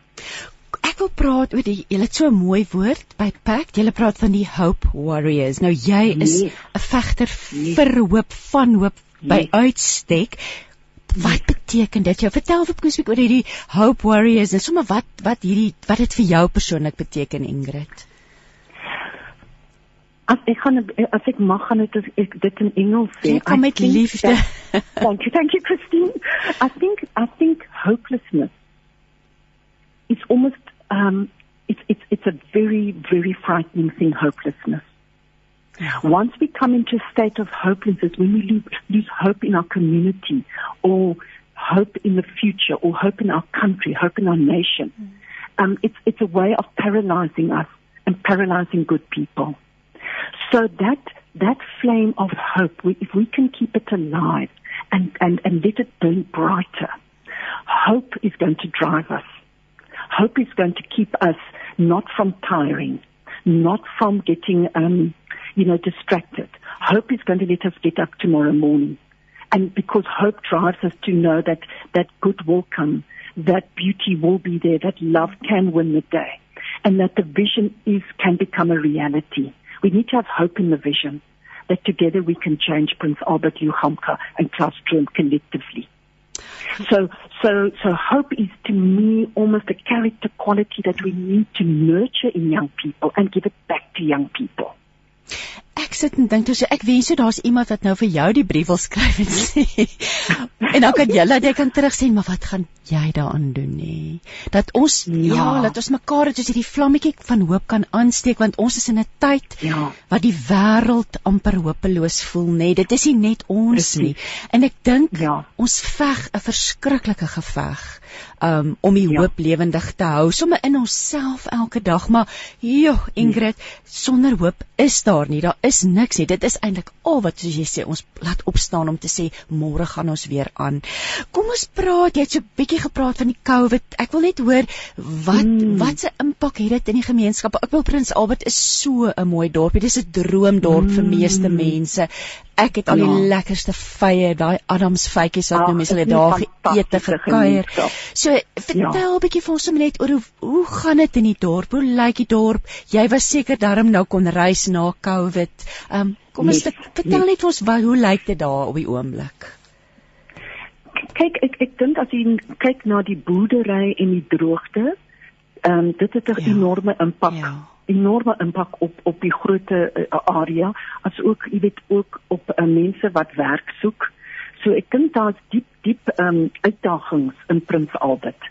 Maar wat Prins Albert baie baie spesiaal maak is dat in hierdie tyd van COVID die hele gemeenskap die hele gemeenskap het bymekaar gekom. To ons to ons on, and you know it's so interesting Christine and I really I don't know I it feels me I'm speaking to somebody out there who's listening. But you know I want to say to you I have never fed people. I'm not particularly a good cook. I'm always so busy. I'm such a busy bee. Food is very low on my own personal agenda. But I had a sense even before lockdown we need to feed the children. And I phoned the various people in that community from all walks of life and I said, I think we need to do this. How do you feel about it? Will you support it? Can we go for it? En dit is wat so fantasties was, is dat verskillende mense van die boeregemeenskap, van die munisipaliteit, van afgetrede mense, van die noordeinde gemeenskap, van die spaza shops, you name it, van mense wat hulle moenbome in hulle tuin het, het kos gebring. En en hierdie ding uh, ondersteun. En dit was wat vir my so fantasties was, is amper asof hierdie COVID, ek het ook vir die jong mense gesê, ek het 'n gevoel voor COVID you were in lockdown. Ja. And in COVID we stepped out of lockdown Mm. and we stepped up and we stepped into our destiny and we are stepping into our greater purpose. Oh, En en ek dink dit is wat vir my so opwond uh, so ek is so opgewonde oor daai gemeenskap. Jy weet verhoudings is is versterk. Um eenheid is gesmee. So yes, I I'm extremely excited to to see hoe kan ons ja. hierdie platforms wat geskep is in die gemeenskap waar mense bymekaar gekom het want dit is wat ons uitmekaar uithou dit is wat jy weet en nou dit unity wat is dit jy weet die dinge wat ons half op ons eilandjies hou Ja. daai is afgebreek in covid ons het mekaar nodig gehad en en en dit is vir my 'n wonderlike goeie ding wat uit hierdie tydperk gekom het so dit gaan goed op Prins Albert Ag Ingrid, maar weet jy wat my inspireer is dat dit amper 'n model kan word vir baie plattelandse dorpe, want baie van ons plattelandse dorpe kry geweldig swaar. Daar's verval, Ja. daar's honger, Ja. daar's dit is as Ja. ek dink daar's uh, ons weet in die gemeenskap there's strife in the community. Natuurlijk, So natuurlijk. ek Och ja, ek voel ook soos jy. Ek hoop mense luister vandag en dink, wat kan ek in my gemeenskap doen? Ek dis so mooi wat Martinus Versveld gesê het. Ek wil sommer weet wat wat is die boek se naam die genekery met 'n appelboom? Die lekery, die lekery, die appelboom. En en ek dink wat so fantasties is met die puddingskema, dit is ek I really encourage people. Die Sondag aand voor ons begin het, ek het ons het 'n rooi drom by by die uh, winkel in 'n in die dorp gesit, die you know the local grocery ja. store, het ons toestemming gegee. Toe laat laat ek iemand die drom oopmaak. Toe staan net so een klein pakkie mieliemeel en 'n bottel olietjies en ek dink peanut butter en so. Toe het ek in trane uitgebars. Toe sê ek vir my man John, how are we going to feed hundreds of children? How are we going to do this? And Christine, what is so incredible is just the fact that we stepped out. Ja. We, we stepped out in faith. We stepped out in hope that this we are going to feed the children. Is toe skielik het die dinge net begin gebeur. Hmm. Mense kom na ons, die mense bel my dat ons later tussen 80 100 nuwe befondsings het wat sê ons wil julle ondersteun. But I didn't know that. I didn't know that when I took the decision and said, team, we need to feed the children. Jy, We didn't know that at the start. ja, jy het geluister na na waar waarheen jy geroep word om wat om te doen. Ja, Ingrid, ja. ek het in in die paar julle die e-pos wat julle vir my gestuur het. Ek is so bly julle het uitgereik want dit is so inspirasie. Iets het my oog gevang. Die groet is 'n moedfees. Waar, Ja, wat is dit dit? is Vertel vir ons 'n bietjie daaroor. So dit is alles deel om gemeenskap te bou. So daar was 'n wonderlike man, um Outa Lappies wat op Prins Albert gebly het. Hy het so 'n lieflike Joseph's kleed gedra en hy het um so klein lanterntjies gemaak en karretjies gemaak en hy het baie bekend geraak. En ek het een keer in Prins Albert se hoofstraat afgestap en ek waai vir hom en ek sê hallo Outa Lappies en hy loop verby en ek skree weer vir hom, "Hi Outa Lappies." En hy kom na my toe en hy sê vir my, "Is groet 'n moed." en daar begin ek en ouke lappies te filosofeer oor is groet 'n moed. Dit is toe kom ons na op die einde en al twee van ons sê ja, dis eintlik krities dat ons mekaar groet. Ja. Want ek sien jou mens wees. En so daai daai is 'n wonderlike wonderlike gemeenskaps um uh, ete waar die kokke en die daar's wonderlike chefs in Prins Albert, daar's wonderlike kokke in Prins Albert van die hele gemeenskap. Hulle kom by mekaar hulle gee hulle tyd en hulle kook kos saam vir die hele gemeenskap wat wil kom saam eet. En ons doen dit in die familiepark en rondom skrik en ons bedien ons gemeenskap. Ja. And we celebrate community by eating together. Ag, En en dit is 'n baie baie spesiale aand en ons kon dit nie hierdie jaar reël nie, maar ons gaan definitief weer volgende jaar bymekaar kom. Ingrid, ons tyd het nou opgeraak. Ek kan nog baie lank met jou gesels. Kom ek net vra waar kan mense wat nou meer wil weet oor Pact, waar is is daar 'n webwerf waar kan hulle inligting kry? Met wie kan hulle kontak maak? Hulle kan met liefde vir my 'n kontak en, u het my nommer net Christine, you've got my number. Yes, um, kan ek die nommer by liggie of sal ons eerder 'n e-posadres dalk? Nee, natuurlik, jy kan die nommer Okay. gee. En hulle kan met my WhatsApp, ek is heeltemal op vir dit. Dit's 083083 Ja. 631 Ja. en dan is dit 2904 en dis Ingrid Wolfhard. Hulle kan met liefde met my praat. Ons het ook 'n Facebook page. Hulle kan sien al die projekkies wat ons mee betrokke is. Ek dink daar's op die oomblik so 40 van hulle. En dan ehm um, kan hulle ook op ons webblad gaan kyk, uh,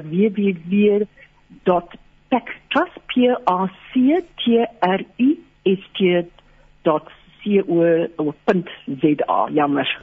Ag, dit is doodreg. Ek gaan dit herhaal. So Ingrid, Ja. jy jy kan met Ingrid gesel 'n WhatsApp aan haar stuur by 083 631 2904 daar ek neem aan as mens intik Pact of Prince Albert Community Trust op Facebook gaan jy dit kry en jy kan ook gaan kyk by die webwerf www.pacttrust is dit net 1 T Reg so? ja .co.za Ag Ingrid Christine. alles seën vir julle en Christine, ja, dankie dat ons kon dit- gesels. Dit was my so skening. Ek ek Ag, waardeer dit verskriklik. Hoorie en ek dit hierdie werk wat julle doen regtig mag die Here se seën daarop rus. Hier is Baie mense wat dankie. nou gesê het um 'n kommentaar gelewer het en ges- wag het gesê van hopeless my sister hopelessness does lead to despair and that is exactly where the enemy wants us but praise God as we as as God's Amen. children have authority over him. So baie dankie. Dankie vir daai werk wat jy en dankie. al daai mense,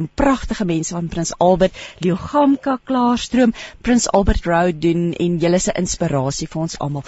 En nou kuier Nicoline Konradi by my hier in die ateljee. Welkom. Dis so lekker vir Covid. So lank het ons nie gaste in die ateljee gehad nie. Ons ons kan darm nou so 'n paar mensies inbring. So dis ja. so lekker om jou hier te hê. Ag baie dankie. Ek is vanoggend so emosioneel want maar ek het ook al gehuil vandag, want ek het al so oor die lig gehuil vanoggend. Ja, maar ek sal baie hard probeer. Maar baie jy, dankie. Dis vir my groot voorreg om hier te wees. Terwyl die musiek nou gespeel het, het ek, ek en jy gepraat en en, en dit voel vir my vandag gaan oor hoop. Ja. Hoop na donker tye, hoop tydens donker tye Ja. nie. Ek hou 'n boek in my hand, You Know Where I Am. Pragtige 'n man wat sit en dan 'n pragtige silhouet van van Jesus met die doringkroon. Ek wil sommer begin en vir jou sê, vertel so ietsie van jouself voordat ons oor die boek gaan gesels. OK, ek wil eintlik net begin deur te sê my ma was mal oor radiokansel um en dit was nou sy's sy's oorlede, so sy kan nie eens hoor, miskien hoor sy tog ja. vandag. Ja. Um maar radiokansel het vir haar in ons huis, sy het laat my ma- my pa 'n fisiese 'n luidspreker in die gang opsit en ons het radiokansel dag en nag geluister Ag, as 'n wonderlik. kind uh, al die tyd. Um so dit is vir my baie emosioneel vandag want ek het eintlik my hart vir die Here gegee op radiokansel Ja. of of nie op kan maar as gevolg van iemand van- wat gepraat het op radiokansel. So um en van daardie af was radiokansel vir my net 'n baie spesiale radiostasie. So dis vir my regtig 'n voorreg om vanoggend te kan praat op Nicoline. radiokansel. Wat doen jy vir 'n lewe? Wat vertel vir ons meer wie is Okay, Nicoline? Ja. Ehm um, basies, okay, ek is getroud, drie pragtige dogters.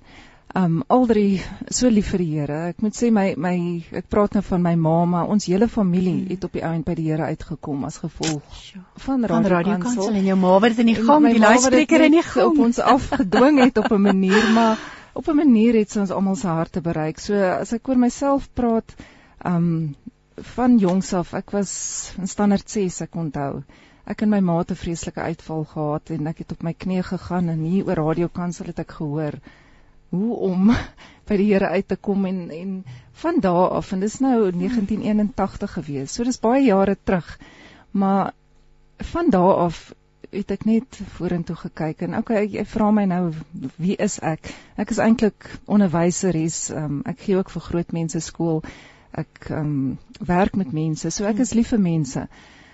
Maar in dit alles is my my visie en my missie soos my ma ek wil amper net die woord op almal afdwing. en ek weet mens kan dit nie afdwing nie, die Here ja, doen dit heilig. Ek hoor wat jy sê in in leer mens. Hoorie maar Letty, dit is wat Letty ja, Kreer van Palaborwa stem met jou saam. Sy sê ons het elkeen oor tekortkomings om te oorkom. Dankie vir julle programme wat met ons praat ons net gehoorsaam wees aan Amen. Jesus wat jou krag gee vir elke dag. Wat het jou laat besluit om hierdie verhaal neer te pen en dan ook in Engels? Want jy's 'n Afrikaans spreker. Ja. Jy nou nog vir sê gaan dalk oorslaan Engels toe. Ja. Hoekom het jy hierdie boek geskryf? Ehm um, ek is baie lief vir skryf en ek het nou al 'n paar boeke geskryf maar ek nog nooit gepubliseer nie, maar met hierdie boek hoekom ek ek dink die moed gehad het en en die hoop dat iets hier hiermee sal gebeur is um, ek was in die Noord-Kaap ook met 'n kursus besig om om vir weermagmans um, te leer hoe om klas te gee. Ehm um, en ek was in hierdie gastehuis en een aand slaap ek en ek hoor my naam en ek word wakker en dit is my so fantasties my naam Nicoline. Dit so geklink asof my pa my roep, maar my pa is ook oorlede. Ehm um, en toe sit asof die Here my net gewys het ehm um, ek my teruggevat na Samuel toe waar die Here vir Samuel geroep het en Samuel het dadelik gedink is Eli wat met hom praat. Soos wat ek gedink hier is my pa. En ek het net besef maar die Here roep my. En daarna het ek net besef maar hierdie dit wat in my hart is en veral as jy nou die boek lees dit dit gaan oor hierdie man wat eintlik dwelm verslaaf is. Dit gaan oor verslaafdes. Dit gaan oor mense wat hoop verloor het. Ehm um, en dit het ek het net besef die Here gaan dit doen. Hy gaan dit doen. Ek moet net begin skryf, ek moet hierdie ding klaarmaak. Um en julle sal ook sien dat ek ek noem ook my man in die boek want my man werk met dwelmverslaafdes. Maar as jy kyk na ek meen ons almal ry in die straat en ons sien hierdie manne op die hoeke staan. En ons harte gaan uit vir hulle en ons partykeer kyk ons ander rigting. Ons wil nie altyd eers vir hulle geld gee nie want ons weet daai geld gaan vir dwelms. Maar my hart gaan uit vir daai mans want dis mans wat drome gehad het. Hulle was kinders gewees wat drome gehad het. Hulle wou iets word. Iewers in hulle lewe het iets fout gegaan. So um, my hart is regtig om daai manne en vroue wat hmm. wat in daai verslawing is uit te ruk uit dit uit. So wie moet hierdie boek lees? Want eh, daar's ook familielede ja, daar's ja. wie wie verslaafdes as familie, as kinders het, as ja, dis 'n dis 'n ja. groot uh, probleem in ons samelewing. Ja. Vir wie het jy die boek geskryf? Eintlik vir die ouers. Ja. en dit snaaks, ek weet ouers wat deur dit gaan. Um, ek het nou al met baie gepraat wat sê een wil sê ek wil nie daai kind ken nie. Dit is jy weet dis ja. dis 'n verlore seun. Hy het ons soveel skade aangerig. Hy steel van ons as hy aankom. Ehm um, hy maak altyd reg weet uh, hy hy sal vir die mooiste stories vertel, sy hart is mm. reg, hy het reggemaak met die Here en dan die volgende oomblik dan draai hy om en hy dra al ons goed weg. Hy verneder ons. Ons familie wil uh, ons nie eens meer ken, ons vriende wil ons nie ken nie want hierdie persoon gaan klop aan hulle deure. Hulle doen dieselfde aan hulle. So ouers het hard geword teenoor hulle eie seuns of dogters wat dit mm. doen. Ehm um, so hierdie boek gaan vir my meer oor ja, ek het dit geskryf vir ons ouers want in Spreuke staan daar um, ons moet opstaan, ons moet begin praat, ons moet begin teruggaan en ek het ook gedink aan Moses. Moses moes teruggaan na 40 jaar het hy teruggegaan. En hy het dit nie maklik, hy het nie net gesê kom julle, kom ons gaan, ons gaan stap nie. Hy moes deur 10 plaae gaan en so dit gaan moeilik wees vir daai ouers. Ek dink daar's baie ouers wat luister en wat weet hulle moet teruggaan en en daai kind gaan soek. Maar dis moeilik. Dis baie moeilik en nee. en Ek wil julle net bemoedig vandag want die Here is saam met ons. Ja. Dit is 'n storie, dis 'n dis 'n ja. roman. Dis nie dis nou nie 'n selfhelpboek nie. Ja, dis 'n ja, fiksieboek. So, was dit vir jou 'n makliker voertuig om mee te werk en tog al hierdie lesse en hierdie leiding weer te hmm. gee? Ek dink mense hou vandag om hulle hou daarvan om weg te hardloop en op een manier hoe ons weghardloop, ons lees boeke, ons kyk movies, ons ons doen allerlei goed om net nie met die werklikheid in aanraking te kom nie en um, alhoewel ek baie boeke geskryf het om uh, mense op te lei in die werksplek. Um hierdie ja, om fiksie te skryf was vir my anders. Ek het nooit in my lewe gedink dat ek so iets kan doen nie, maar die Here het regtig hy het net vir my deur oopgemaak en hy het vir my my laat inleef is asof ek weet as ek skryf ek voel hoe ek saam met hierdie persoon leef ek ek praat eintlik deur hierdie persoon. Ehm um, so fiksie het vir my amper uh, dit is dis amper verslawend vir my om fiksie te skryf soos wat ek nou oor verslawing skryf maar dit is baie lekker. Uit die aard van saak jy het 'n hart vir hierdie mense jy sê jy het absoluut 'n hart vir hulle ouers mm. hierdie daar's boodskap verskuil hmm. vir jou hmm. daarin. Is jy betrokke by jou man se bediening? Vertel vir ons 'n bietjie meer oor sy bediening. Ja, my man ehm um, ag seker ek weet nie 15, 16 jaar terug was hy by 'n uh, Angus Buchan konf konferensie daar in Greytown en toe hy terugkom toe sê hy vir my ek wil voltyds vir die Here werk. Ek wil alles opgee, gaan my werk opgee. Ek wil vol, voltyds vir die Here werk. Nou op daai stadium was ons um, met die jeug betrokke in die kerk. Ehm um, en ja, ek meen die jeug en die kinders verniele kerk, vandalisme, hulle steel dit dit ja, op 'n stadium het die predikant gesê, "Jog, nee, um, kan ons nie die kinders net buite kry nie." Ja. En ons het begin 'n 'n veldjie soek waar ons hierdie kinders kan entertain as ek so kan sê. Ehm um, waar hulle kan speel, waar ons met hulle kan oor die Here praat en hulle kan bedien. Um en nie ver van van die kerk af nie, het ons eintlik 'n veld gekry, so 300 meter daarvandaan. Um waar ons toe 'n sokkerveldjie opgesit het en 'n volleybalveld en 'n lapa, groot lapa en die kinders van die gemeenskap het begin soos in 'n parkie speel. Um en ja, ons het wonderlike dinge gesien in die begin waar kinders um ons het vir hulle toneeltjies opgevoer. My eie kinders was jonk. Um dit was so lekker om oor die Here te praat.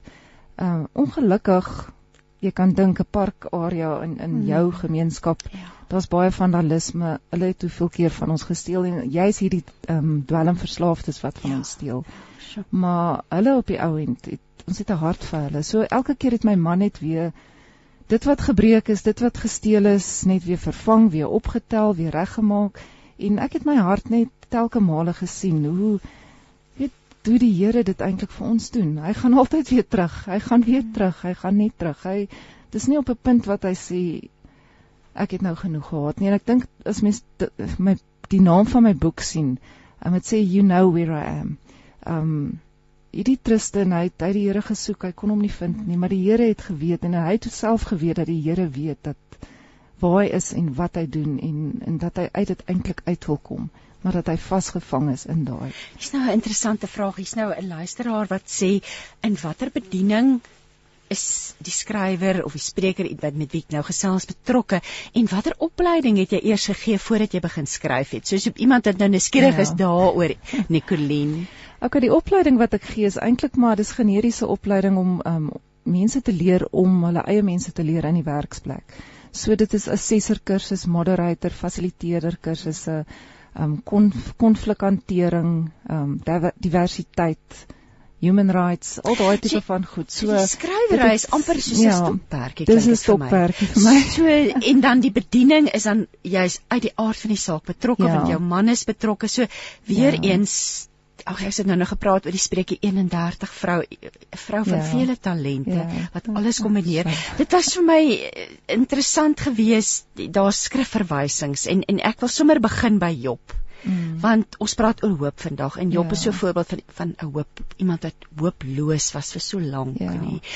Watter lewenslesse kan ons by Job leer dink jy? Sjoe, ek het ek het self 'n boek oor Job geskryf wat ek nou nie gepubliseer het, maar ek het soveel lewenslesse, ek dink ons gaan nie genoeg tyd hê nie. So ek gaan net een noem. Jy gaan maar met terugkom, ja. Nicoline. Nee, Job, ja, hy het vir my so kosbaar geraak, jy weet. Um, as mens van Job praat, dan dink mens altyd, ag, jy weet, is hy en sy vriende. Hmm. En maar dit is die mooi lewensles wat ek vandag net vir julle wil sê. Um ons vriende in ons in die kerk, ons vriende weet ons maak mekaar seer aan mekaar. Hmm. En dit is vir ons maklik om net om te draai en weg te loop en nooit nooit eers weer te kommunikeer nie. Um ons hou aan daai seer vas. Maar wat vir my mooi is met Job se vriende, Hulle het beklein hulle lelikste goed vir mekaar gesê, maar dit nie weggegaan nie. Um en op die ou end het God self um vir Elifas, een van daai vriende gesê, hoor hierso, gaan terug na Job toe. Sê vir hom, sê vir jou ander vriende vir Zoufar en Bildad, kom by mekaar. Um laat Job vir julle bid en daai verhouding is herstel. En vir my is dit so belangrik dat um, soos wat ek praat in hierdie boek van verhoudings, um, ons wil nie eers meer mense ken want hulle maak ons seer, hulle hulle verneder ons, hulle steel van ons, hulle ek meen as baie predikers wat sal opstaan en sê as as mense 'n negatiewe invloed in jou lewe het, um raak ontslaaf van dit en gaan aan. Maar ons is geroep om daai mense wat ons seermaak te help heel want deur God, hy, hy het vir ons soveel krag gegee, hy het vir ons alles gegee. Daai mense het oor ons pad gekom sodat ons hulle kan heel deur sy krag. En ehm um, in daarin lê hoop. Die Here gaan ons nooit alleen los. Hy los nie my alleen nie. So ek moet teruggaan en ek moet daai persoon gaan uithelp. Ehm um, en so het Job vir my, Job en sy vriende. Ehm um, hulle sê baie lelike dinge vir mekaar. As jy regtig in diepte gaan en selfs Job is nie onskuldig nie, alhoewel 'n God gespog het by Satan voor hom en sê, "Jog, it's my righteous child this." Um hy het hy het sy vriende ook maar baie sleg gesê. Dit pas so mooi by wat ons vorige uh, gas gesê het van wie we take offense ja, en en en dit ja. is presies dit en dan keer dit ons om weer by mekaar uit te kom om genesing te bring in ons gemeenskap of ja. in ons familie of in ons gesin of waar ook al. Kom ons praat verder. Kom ons praat bietjie oor Jesaja 9 vers 7. Jesaja 9 vers 7 bring my terug na ons bediening um, saam met my man. Nou ons het hierdie stukkie veldjie en, en dit is in Valhalla. Um hier in Pretoria. Um nou basies van die begin af het die Here ons daai vers hier uh, eintlik die laaste vers. Kom ons stop net gou daar. So julle het hierdie bediening in die veld. Dis net daar. So julle kom My man is heeldag besig om daai veld te onderhou. Gras te sny, daai en mense kom mense kom nie in getalle nie. Hulle sal een een miskien ja, kom uit skierigheid. Ja, van. Maar soos wat ek glo, soos wat die Here hulle stuur, ehm um, selfs die draggies wat daar kom oornag of iemand wat net kom uit skierigheid kom aanklop. Ehm um, raak ons hulle ek ek glo die Here raak hulle aan deur ons want ag my man is net hy sal nie skroom om vir enige iemand te vra het jy 'n verhouding met die Here hoe staan jou saak hmm. ken jy die Here Ehm um, al sal daar 'n pastoor daar aankom, sal hy vir hom vra, "Maar ken jy die Here?" En hierdie en, belofte dan van Jesaja 9 vers ja, 7. Dit, dit hou laat hom ja, aan die gang bly daarmee. Ja. En daai belofte, dit sê the zeal of the Lord will accomplish this. So op 'n manier, jy, ons het ons gaan maar finansiëel deur moeilike tye as ek kan sê die laaste 16 jaar omtrent um werk 'n kontrakwerk. So ek wag fisies hierdie week of ek volgende week 'n werk gaan hê. Um my man kry geen inkomste nie. Hy werk daar en dit en sy bediening. Die Here het van 2005 2006 het hy voorsien. En daar was tye wat ons voel, "Jog, maar ek het nou niks vir volgende week. Hoe gaan ons dit doen?" En dan gebeur daar net iets en um ons het soveel hoop dat die Here as hy sê, "You will accomplish this." dan dan doen hy dit. En ehm um, ja, so ek wil hoop bring vir daai daai mense en ek weet daar's baie manne wat na Angus Buchan se ehm um, by einkomste gaan en wat terugkom en sê ek wil voltyds vir die Here gaan. Ehm um, jy moet baie mooi dink want daar's baie uh, hoor baie mooi by die Here. Maar as jy in jou hart weet dis wat die Here sê, die Here sal jou nooit alleen los nie. Hy het ons nog nooit alleen gelos. En dis hoekom jy ook op die agterblad verwys na 1 Filippense 1 vers 6, nê? Wat sê ja, ja, God will finish what he has started. Ja, hy sal nie ophou. En dis wat ek ook wat ek ook met hierdie boek besef het. Ek meen is dis een ding om 'n boek te skryf. Ek sê nou vir almal ag is maklik om 'n boek te skryf. Ek kan dit nou doen.